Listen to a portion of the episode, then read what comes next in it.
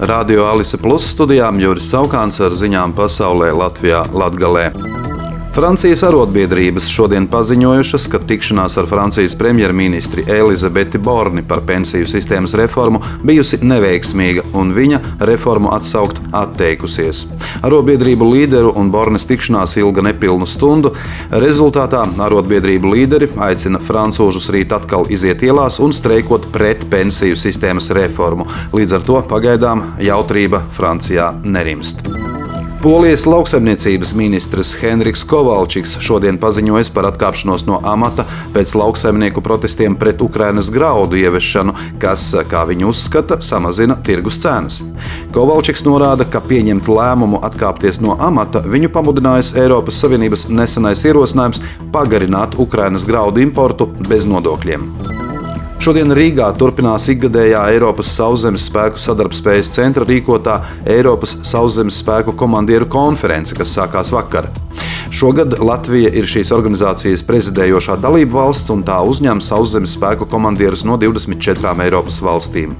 FINABEL ir Eiropas organizācija, kas pastāv līdztekus Eiropas Savienības un NATO militārajām struktūrām un veicina sauszemes spēku savietojamību, saskaņo militārās koncepcijas, doktrīnas un procedūras. Sējuma šodien konceptuāli atbalstīja un noteica steidzamību likuma grozījumiem, kas paredz informāciju dienesta vajadzībām padarīt par valsts noslēpumu un par kuru pieņemšanas steigu cēla trauksmi žurnālisti. Grozījums paredzēts eh, veikt likumā par valsts noslēpumu, informācijas atklātības likumā un krimināla likumā. Saima gan mainīja atbildīgajā komisijā iepriekš rosināto priekšlikumu iesniegšanas ilgumu, ļaujot priekšlikumus uz otro galīgo lasījumu iesniegt līdz 11. aprīlim, bet likuma projektus parlamenta sēdē plānots pieņemt 20. aprīlī. Ņemot vērā, ka steidzamību atbalstīja vairāk nekā divas trešdaļas balsojušo deputātu, atbilstoši satversmē valsts prezidentam nebūtu tiesību šos likumus nodot otrreizēji caurlūkošanai.